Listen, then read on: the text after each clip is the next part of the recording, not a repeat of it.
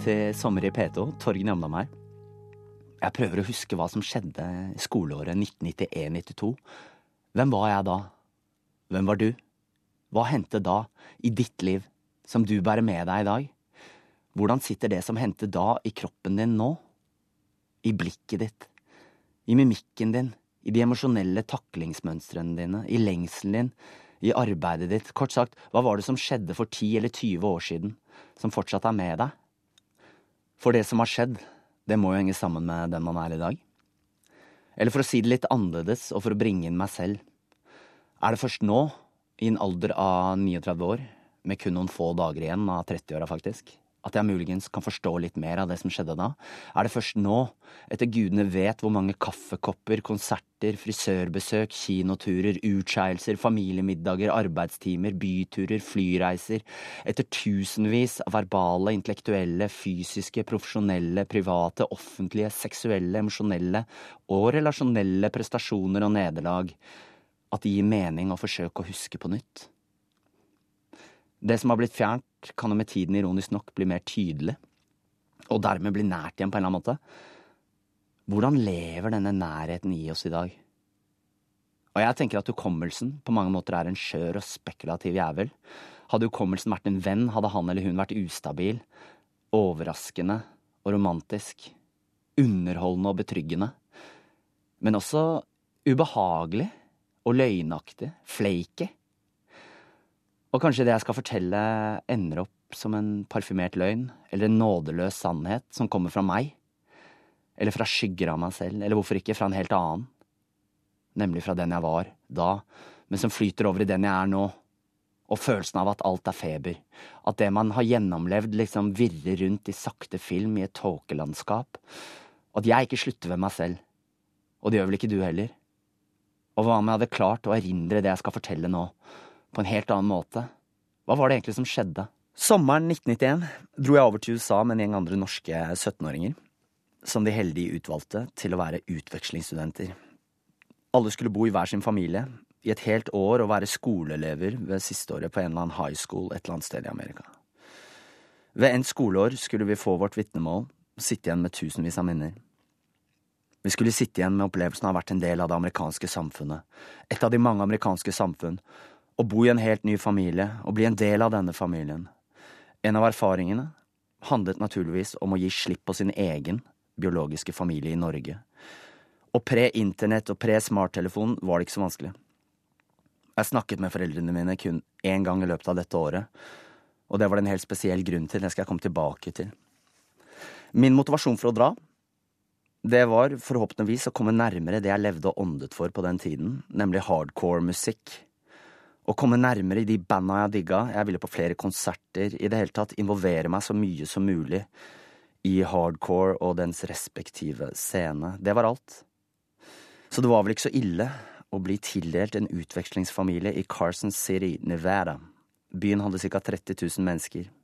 Nedenfor Lake Tahoe, nede i dalen, rett ved grensen til California med sin mer eller mindre stolte punk- og hardcore-historie.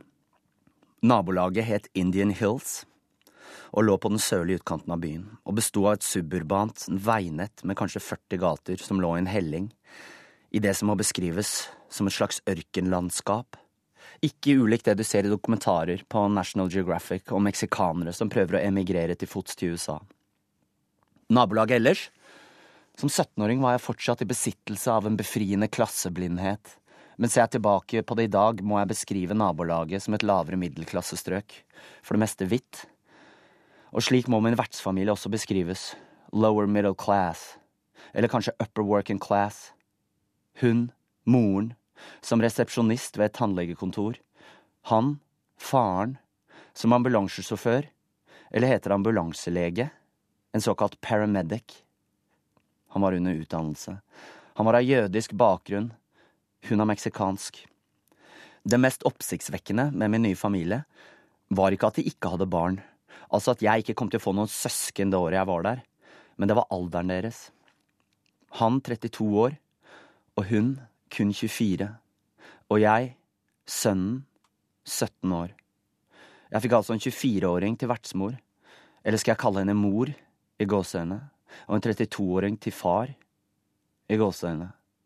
Og hvorfor ble jeg, som den utpregede urbane gutten jeg var, hensatt til svært unge mennesker, i et ruralt område nord i Nevada? Hvorfor ikke en storfamilie i San Francisco eller LA eller Las Vegas? Her kom jeg, som har vokst opp med Kjelsåstrikken, T-banen, Oslo sentrum, Urra, Majorstua, BMX, skateboard, konserter og klubber. Jeg fikk sjokk av hvor utstrakt alt var, og hvor avhengig man var av bil. Hvorfor ble jeg sendt hit? Grunnen til at utvekslingsorganisasjonen hadde gitt meg nettopp denne familien, den er enkel. Jeg var en dedikert vegetarianer, og det var vertsforeldrene mine også. Ted og Edwina. Our biggest thrill is helping people, husker jeg de skrev i et brev til meg før jeg kom over. Ted og Edwina var et idealistisk par, med mye hjerte for både mennesker og dyr. Edwina var lav av vekst, velproporsjonert, et vakkert meksikansk ansikt, store, nøttebrune, feminine øyne, levende lepper. Edwina kom fra en meksikansk familie av gangstere og halvgangstere som flyttet fra East LA og bosatte seg nordover i Nevada på slutten av 70-tallet. Onkelen hennes var fortsatt illegal meksikansk innvandrer, og anekdotene fra 60-tallets gangsterliv i LA satt løst på familiesammenkomstene. Faren til Edwina var vaskehjelp på skolen jeg gikk på. Begge brødrene hennes var brannmenn og selv om Edwina bare var 24 år, var det som om hun hungret etter å være så voksen og etablert som mulig. Jeg fikk en følelse av at det var et prosjekt for henne, dette med voksenhet, modenhet, moderlighet. Var det en måte å holde hodet over vannet på? Eller hadde hun bare strenge ambisjoner på vegne av seg selv og fremtiden? Et ønske om å få til noe mer enn det familien hennes hadde fått til? Edwina sa hun aldri skulle få egne barn, man måtte selvfølgelig adoptere, tenk så mange barn som allerede var født og trengte andre mødre. Ted, den åtte år eldre mannen til Edwina, og som hadde bakgrunn fra den amerikanske marinen, han var helt enig i dette. De hadde nylig kjøpt hus. Hvorfor ikke ta inn en utvekslingsstudent, det er vel spennende? De var voksne nå, nå skulle det voksne, ansvarsfulle livet begynne.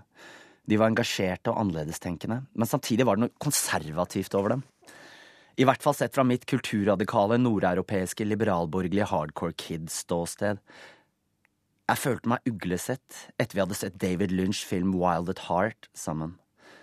Det var jeg som hadde valgt film, og jeg merket at Edwina syntes det var vondt og flaut å ta inn over seg de mørkere sidene ved filmen, kanskje særlig sammen med meg, den nyankomne sønnen i gåsetegn.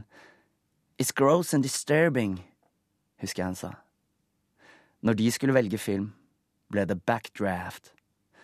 En oppbyggelig og håpefull actionfilm om brannmenn som slukker brann etter brann på den livsfarlige stien til en pyroman. To måneder inn i oppholdet var jeg godt i gang med skolen. Jeg hadde fått venner jeg kunne relatere til. De var enten skatere eller punkere av den litt strenge, gamle skolen med hanekam, hjemmelagde tatoveringer og bombejakker. Jeg hadde til og med fått meg kjæreste. Den første ordentlige kjæresten i livet. Hun var overhodet ingen punker, men eh, en cheerleader av alle ting. En indianerjente som bodde på indianerreservatet med den smellfeite moren sin og to småbrødre.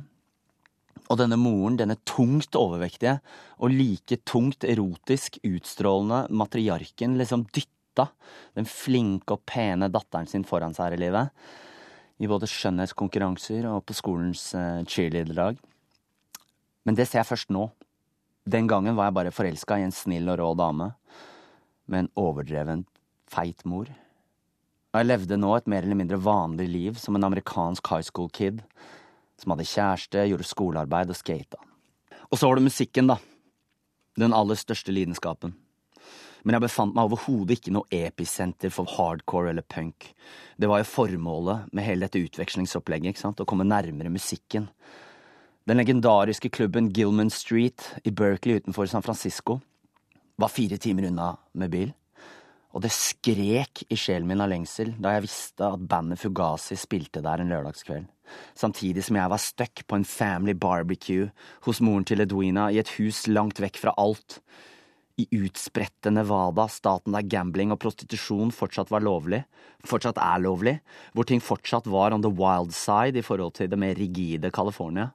Men jeg så ikke noe særlig til denne ville siden av Nevada. Disse familiegrillsammenkomstene hver lørdag handlet for det meste om tofu-burgere og volleyball. Og jeg lengtet etter flere konserter og en levende hardcore-scene og følte samhørighet med. Jeg kjeda meg, rett og slett. Og en dag spurte Ted om jeg hadde lyst til å være med på en av ambulansenattskiftene hans i Reno, en by som lå ca 40 minutter unna med bil, og var litt mindre enn Oslo. Selvfølgelig vil jeg det, selvfølgelig vil jeg være med på ambulansetokt en hel natt, in the biggest little city in the world, som det sies om Reno. Jeg fikk beskjed om å ta på meg hvit skjorte, mørke bukser. Jeg tok på meg noen lave, sorte Vans-sko, husker jeg. Vi dro av gårde. Ambulansestasjonen kunne minne om en brannstasjon. Partneren til Ted, Skar, var en to meter høy fyr med kraftig bart. Han hadde bakgrunn som amerikansk fotballspiller. San Francisco 49ers. Om ikke som quarterback-stjerne, så i hvert fall som benkesliter. Scott hadde noe klassisk maskulint over seg. Han virket naturlig uanstrengt, lett til sinns. Og det gikk ikke ti minutter engang før jeg hørte den særegne pipetonen i walkietalkien for første gang. Sentralen fortalte om en gravid dame som hadde kjørt av motorveien ved sentrum. Under en betongbro ved siden av kjørebanen fant vi henne sittende i forsetet og hyperventilere. Det var umulig å roe henne hun peste rytmisk. Hun liksom kasta pustene fra seg fra de små lungene plassert rett over den høygravide magen. Den kinesiske mannen hennes sto liksom stum ved siden av bilen og røykte nervøst, husker jeg. Og da vi kom til akuttmottaket, klarte ikke den eldre, sorte sykepleieren å få slutt på hyperventileringen hennes heller. Hun bare fortsatte uansett. Hun bare så hjelpeløst på oss og bare og så hørte jeg pipelyden fra walkietalkien igjen. Et nytt oppdrag var i anmarsj, og vi småløp ut av de store sykehusdørene og inn i ambulansen, kjørte av gårde til et slitent nabolag der det viste seg at minst åtte familiemedlemmer bodde i en treroms leilighet, og bestemoren i denne asiatiske familien lå på ryggen på stuegulvet, med bena oppå det lave TV-bordet. Alle familiemedlemmene satt rundt henne, og leggene hennes var som sprekkferdige gigantpølser vifta i taket, summet rytmisk og kastet flakkende skygger over det plagede ansiktet, mens Ted og Scott stakk hull i hver sin legg og drenerte dem for væske. Vi trengte ikke å kjøre henne til sykehuset. Nok et oppdrag ferdig, ut og inn, videre. Scott fortalte at det var mange kinesere som jobbet i gamblingindustrien i Reno. De jobba steinhardt, de kunne gå doble og triple skift, og det får meg til å tenke på det Freud sa om hvorfor psykoanalysen er til. Jo, den er til for at man skal bli bedre til å arbeide, og bedre til å elske. Og det er vel det de voksne menneskene driver med for det meste. De jobber, og så elsker de. Og så er det vel lov å håpe at leken på en eller annen måte får lov til å bli med i både arbeidet og kjærligheten. Og ante jeg en slags lek i arbeidet til Ted og Scott. Det liksom tok så lett på ting. De var liksom to kompiser som kjørte rundt i natten i sitt eget ambulansebilunivers og surra noen bandasjer her og der. Vitsene satt løst. Men jeg verken smilte eller lo noe særlig nå. Jeg var allerede blitt betydelig bleikere om nebbet, og jeg var ikke i nærheten av å vite hva jeg hadde i vente. Klokka må ha vært rundt uh, midnatt, og så pep uh, walkietalkien igjen, og vi fikk beskjed om å kjøre til fengselet. County Jail in Reno. Og vi kjørte gjennom diverse gjerder og gikk inn i en slags ventehall for nyankomne fanger. Alle stirra på oss. Innbitte, utkjørte, mistroiske menn mellom 20 og 50 år tatt for et eller annet vold, trafikkforseelser, drugs, husbråk, fylla. Ingen sa noe. Blikkene sa noe. Og jeg ble sjenert da de målte oss opp og ned der vi kom gående, to paramedics og en blond 17-åring som hjalp til med å bære en oksygenflaske. Til slutt kom vi oss frem til cella der en alvorlig overvektig afroamerikaner i 50-åra klagde på chest pain. I can't breathe proper. Og før vi fikk satt på han oksygenmaska, begynte han å snakke om at it was just unpaid parking tickets that got me here. Just unpaid parking tickets. There's no way I could pay for them. I have a family, you know. I gotta provide for my family. Og så fikk vi på han oksygenmaska. Ted og Scott snakket jovialt og sosialarbeideraktig til ham. De ga ham noen piller. Så gikk vi gjennom korridoren igjen. Igjennom ventehallen, forbi de nyarresterte mennene, denne gangen med noen tilrop. Hey, little boy, you wanna be my bitch? Huh? You wanna be my bitch? Huh? You hungry? I see you hungry, boy! Spredt latter. Vi dro til et venterom ambulansetjenesten hadde utenfor sentrum av byen. Som en pavlovsk hund hadde jeg nå begynt å assosiere pipetonen fra walkietalkien med ubehag.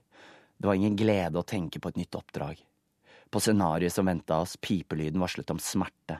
Fysisk smerte, redsel. Fremtidige psykiske sår, mulig død.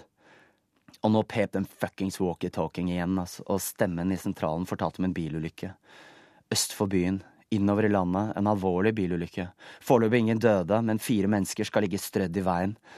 På Lincoln Highway, Highway 80 og vi spretter opp av sofaene, løper ut i ambulansen og kjører grisete, 120-130-140 km i timen, alene, på den tomme motorveien, lenger og lenger inn i landet, inn i Amerika, inn i ørkenlandskapet, dypere og dypere inn i natten.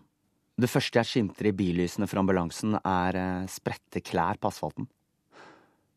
Vi kjører sakte videre, og så skimter vi noen menneskekropper. Vi er de første på åstedet, og jeg skimter en bil liggende på taket, Scott slår av motoren, men ikke billysene.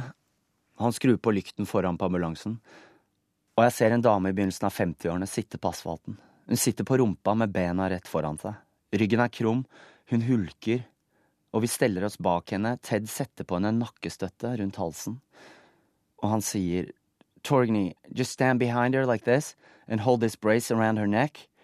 Make sure she sits still. She cannot get up. She might have broken her back og hun gråter og hveser.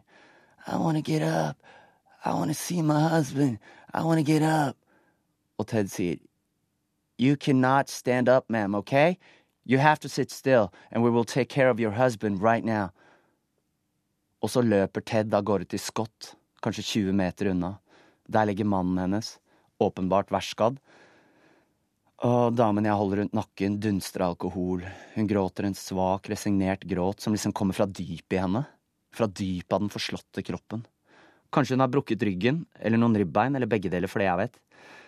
Eller kanskje hun har punktert en lunge, tenker jeg. Og hun fortsetter. I wanna see my husband. I wanna get up. Og jeg sier, You have to sit still. We will get you out of here very soon. Og jeg, jeg, jeg har faen ikke peiling på hva jeg sier. og Jeg har ikke peiling på hva jeg driver med. Men dette har altså skjedd. To par i 50-årene har moret seg på kasino i Reno og drukket altfor mye, og nå skal de kjøre hjem til det lille stedet de bor utenfor byen. Innover i landet, og de krasjer. En stygg krasj. Og nå ligger de her, fire voksne mennesker, dritings og stygt skada. En brannbil ankommer, og en ambulanse til. Helikopterlyden kommer nærmere, og helikopterets lyskaster, som en slags intens måne på himmelen, lyser opp hele åstedet. Og jeg ser meg rundt i flomlyset. Føler den svake vinden mot huden. Jeg bare står her og holder denne nakkestøtten på dette trafikkofferet av en kvinne, og jeg ser ned på hodet hennes, det blodige håret, jeg ser ned forbi nesetippen hennes, på den ene puppen, blusen er revet opp, og det ene brystet henger utenfor, et stort, deigete bryst, oppskrapet og blodig glinsende, og jeg ser ned på de utstrakte bena, blodflekkene i denimstoffet og jeg ser ned på føttene hennes. Skoene er borte, ingen sokker, og mellom tærne har det viklet seg inn selve teipen fra en musikkassett. Og dette kassettbåndet svaier nå i luften og liksom danser i flombelysningen. Og jeg skjønner plutselig hvordan bilen må ha veltet voldsomt rundt seg selv, flere ganger, og i løpet av disse brutale sekundene har kassetten som sto i bilstereoen blitt slynget ut i kupeen, og selve teipen har altså festa seg mellom tærne til dama, mens alle sammen ble kasta rundt der inne i bilen. Ingen brukte sikkerhetsbelter. Og hun vet ikke om mannen hennes lever, og nå sitter hun her med gudene vet hvor mange brudd i kroppen, og teipen fra en musikkassett mellom tærne. Jeg har ofte lurt på hva slags musikk dette båndet inneholdt. Hei, velkommen tilbake. Torgen Jamdam her. Eh, vi hører stadig på Sommer i P2. Det gikk noen måneder. September, oktober, inn i november. Sommeren liksom bare varte og varte. Det var fortsatt varmt midt på dagen, som det kan være i første halvdel av september i Norge. Ted eh, fortsatte sin ambulanseskift som vanlig. Edwina gikk til eh, resepsjonistjobben på tannlegekontoret. Og jeg gikk på skolen. Vi ble bedre og bedre kjent, og vi hadde fått en rytme. Det var søndag 24. november 1991. Solen skinte, og på Teds initiativ ryddet vi ut av garasjen, slik at det ble plass til begge bilene inne garasjen. Både Broncoen til Ted og Edwinas Ford Mustang Convertible, en veteranbil fra 1968 uten tak. Yeah, we could fit Edwinas car in there now, husker jeg han sa. Han pekte på hyllene som han hadde laget, og som han nå hadde fylt opp med eskene som pleide å stå på gulvet. Så gikk vi rett inn i stua. I typisk amerikansk eh, suburbia-stil var garasjen forbundet direkte med huset via en dør. Edwina var borte denne søndagen. Ted skjenka oss to store eh, glass med iste som Edwina pleide å lage. Torgny, we need to talk, sa Ted. Vi satte oss i sofaen, og i løpet av den minst timelange samtalen kom det frem at Ted og Edwina hadde ekteskapsproblemer, noe som ikke kom som et sjokk på meg. Jeg hadde følt på spenningene mellom dem, hadde vært vitne til sinneutbruddene til Edwina, den bryske, hakkete tonen som plutselig meldte seg. Det andre som kom frem i løpet av denne snakken, var at Ted hadde en kriminalsak hengende over seg. Da han var i marinen, hadde han og en kompis tatt med seg masse utstyr etter en treningsleir de hadde vært på. Alt fra ski og tau og annet utstyr. Også eksplosiver. Og da de sluttet i marinen, lagret de alt i garasjen til kompisen. En helt vanlig garasje, akkurat som Teds egen garasje, den vi nå hadde rydda ut av. Anyway, da kameraten til Ted solgte huset sitt, lot han noe av tingene i garasjen stå igjen, og den nye eieren fant kassen med eksplosiver og ringte umiddelbart politiet.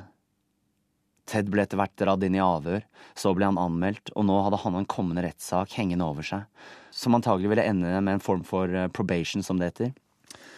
En innskrenkelse av bevegelsesfriheten hans over en periode. Ted syntes å ta dette med veldig stor ro. Han visste inni seg at det hele var en ungdomsfadese, men fordi det var eksplosiver involvert, ble FBI automatisk kobla inn. Det var ikke bare etter Oklahoma-bombingen eller 9-11 eller 22. juli at politiet tok eh, funnet av eksplosiver på stort alvor. Det hele ble liksom en svært alvorlig sak, og det gnagde på Edwina. Hennes idealistiske og trygge ektemann.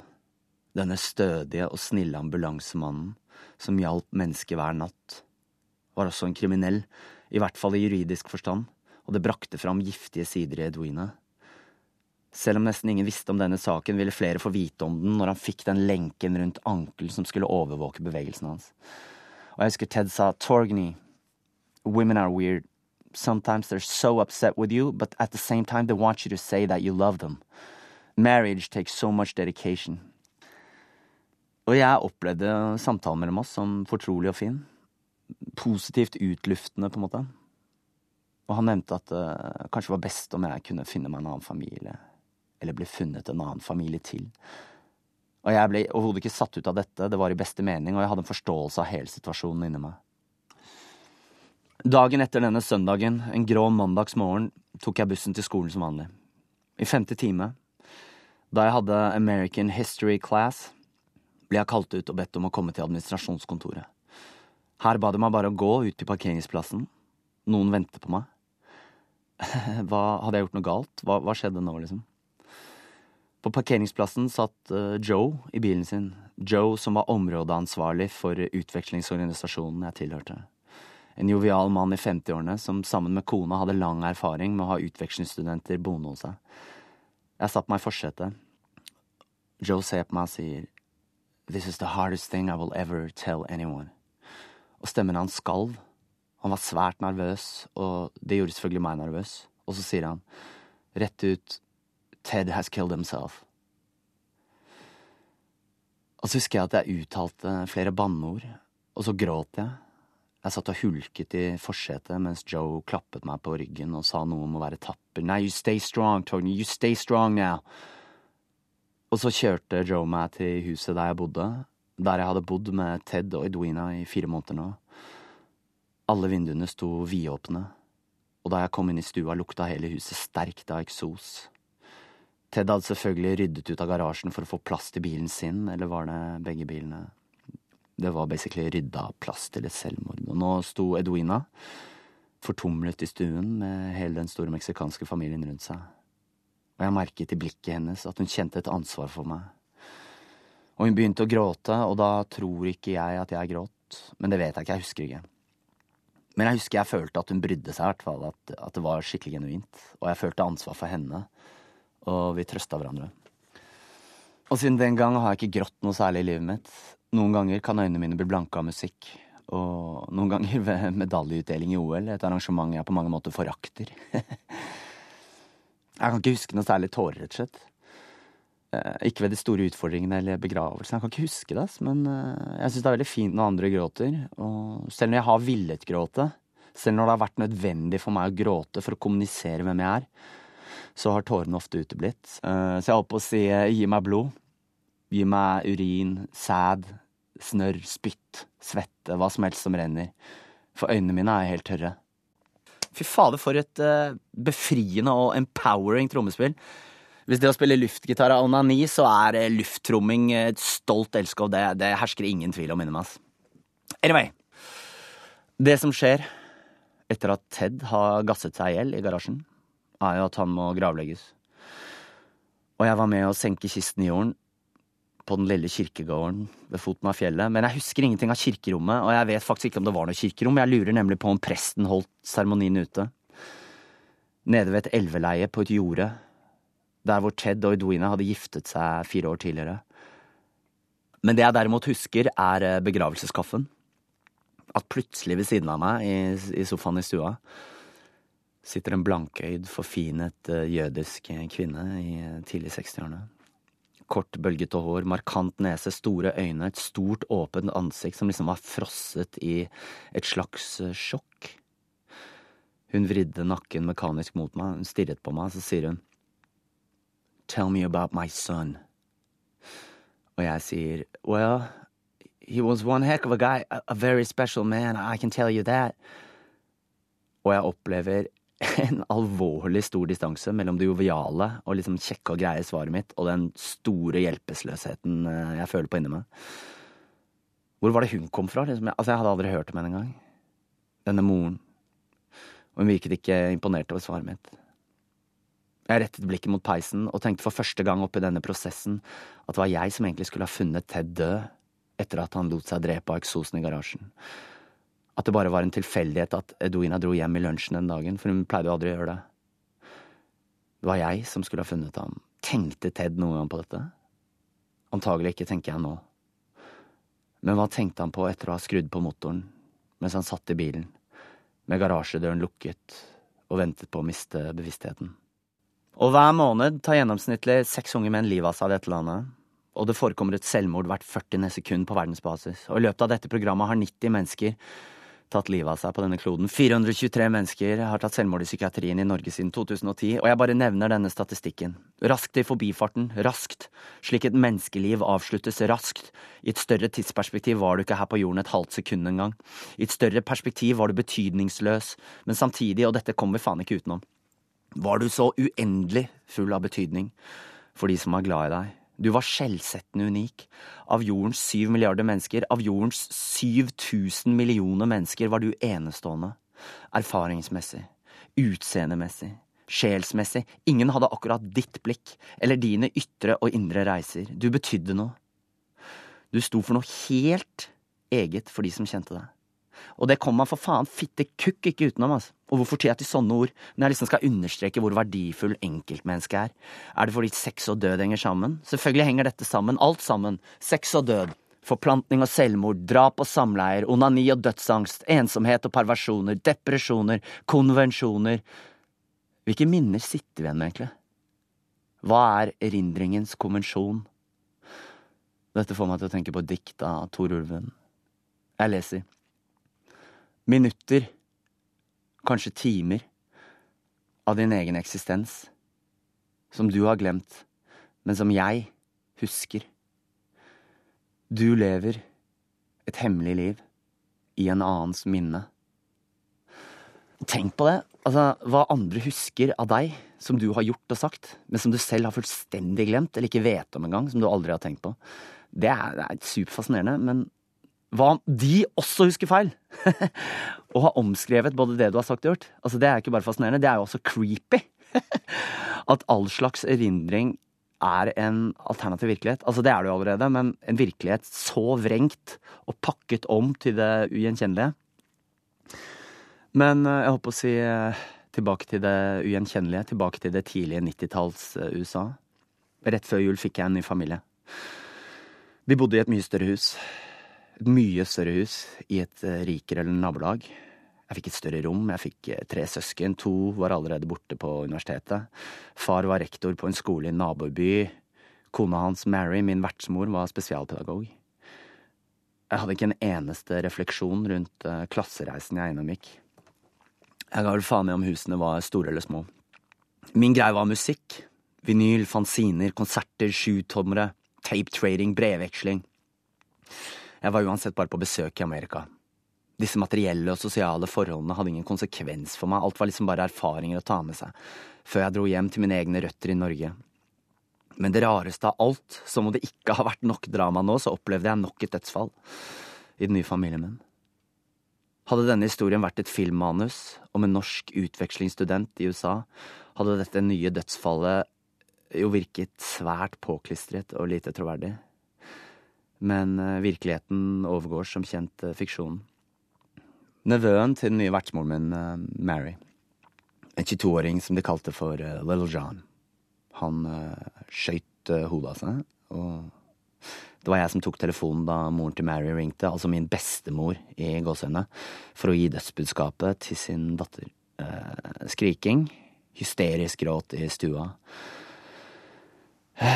I ettertid så trodde de heldigvis at det ikke dreide seg om et selvmord, men snarere om en skyteulykke mens han uh, lekte eller fiksa på geværet sitt på en måte. Amerikansk våpenlovgivning er herligere. Uansett, det ble nok en begravelse, nok en familie i sorg, og selv om jeg ikke tror på sånne ting, så er det jo vanskelig å ikke tenke at det var skjebnen som ville si meg noe med disse dødsfallene så tett opp etter hverandre. Men faen, ass, nå ble det mye død her, altså. Nå må vi opp og vekk fra denne dødens hengemyr. Vi må tilbake til livet, kjære lytter. Det er jo sommer i P2, vi må feire livet, komme oss opp på nivå. Jeg ser for meg deg, kjære lytter, på vei fra ferie til ferie.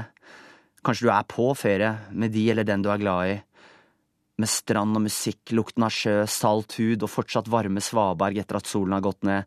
Det er sommeren som herjer i deg, eller bør herje i deg, og jeg tenker på svaiende knehaser, solbrune håndledd, fantastiske rumpehull, avgrunnsdype anus, våte, varme, villige vaginaer, stive, sprutende kukker, orgasmen som den eneste sanne forskansning her i livet, orgasmen som den eneste trygge havnen, og det nest beste alternativet er selvfølgelig dansen, dansen og alkoholen, den konstruktive og foretaksomme alkoholen, ut utagerende kropper og skvulpende glass. Vær så snill og lov meg å danse i kveld. Hell det du liker i glasset, og dans med den du er glad i, eller kanskje enda bedre, med en helt fremmed. Er ikke voksne mennesker generelt for dårlige til å få seg nye venner? Og kanskje man skal drite i den anmasende alkoholen?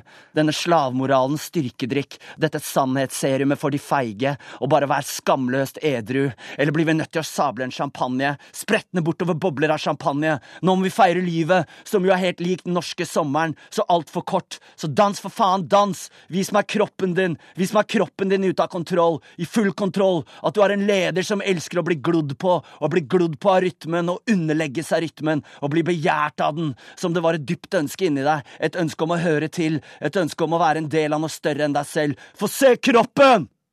Dansen må tas med inn i alderdommen, ass. Det, det tror jeg virkelig på. Torgen Jamdam her, du hører stadig på Sommer i P2. Jeg leste et sted at uh, å eldes handler like mye om å erobre alderdommen med sin egen ungdom som å bli overvunnet av alderdommen. Dette kan uh, kanskje være tanker å ta med seg videre inn i denne sommeren, videre inn i dette livet. Samtidig tenke på det vi har nå, kontra det vi hadde da, og det vi vil få senere. Og jeg tenker på Edwina, som i dag er 46, og hva slags liv hun lever, jeg vet ikke og at jeg aldri ville vært foruten møtet med henne eller de andre jeg møtte i dette året 91-92. Kjære lytter, jeg ønsker deg en minneverdig sommer. Takk for at du hørte på, og la oss fortsette å danse. Og reise. Hva faen er livet uten reiser? Har du noensinne angret på en reise?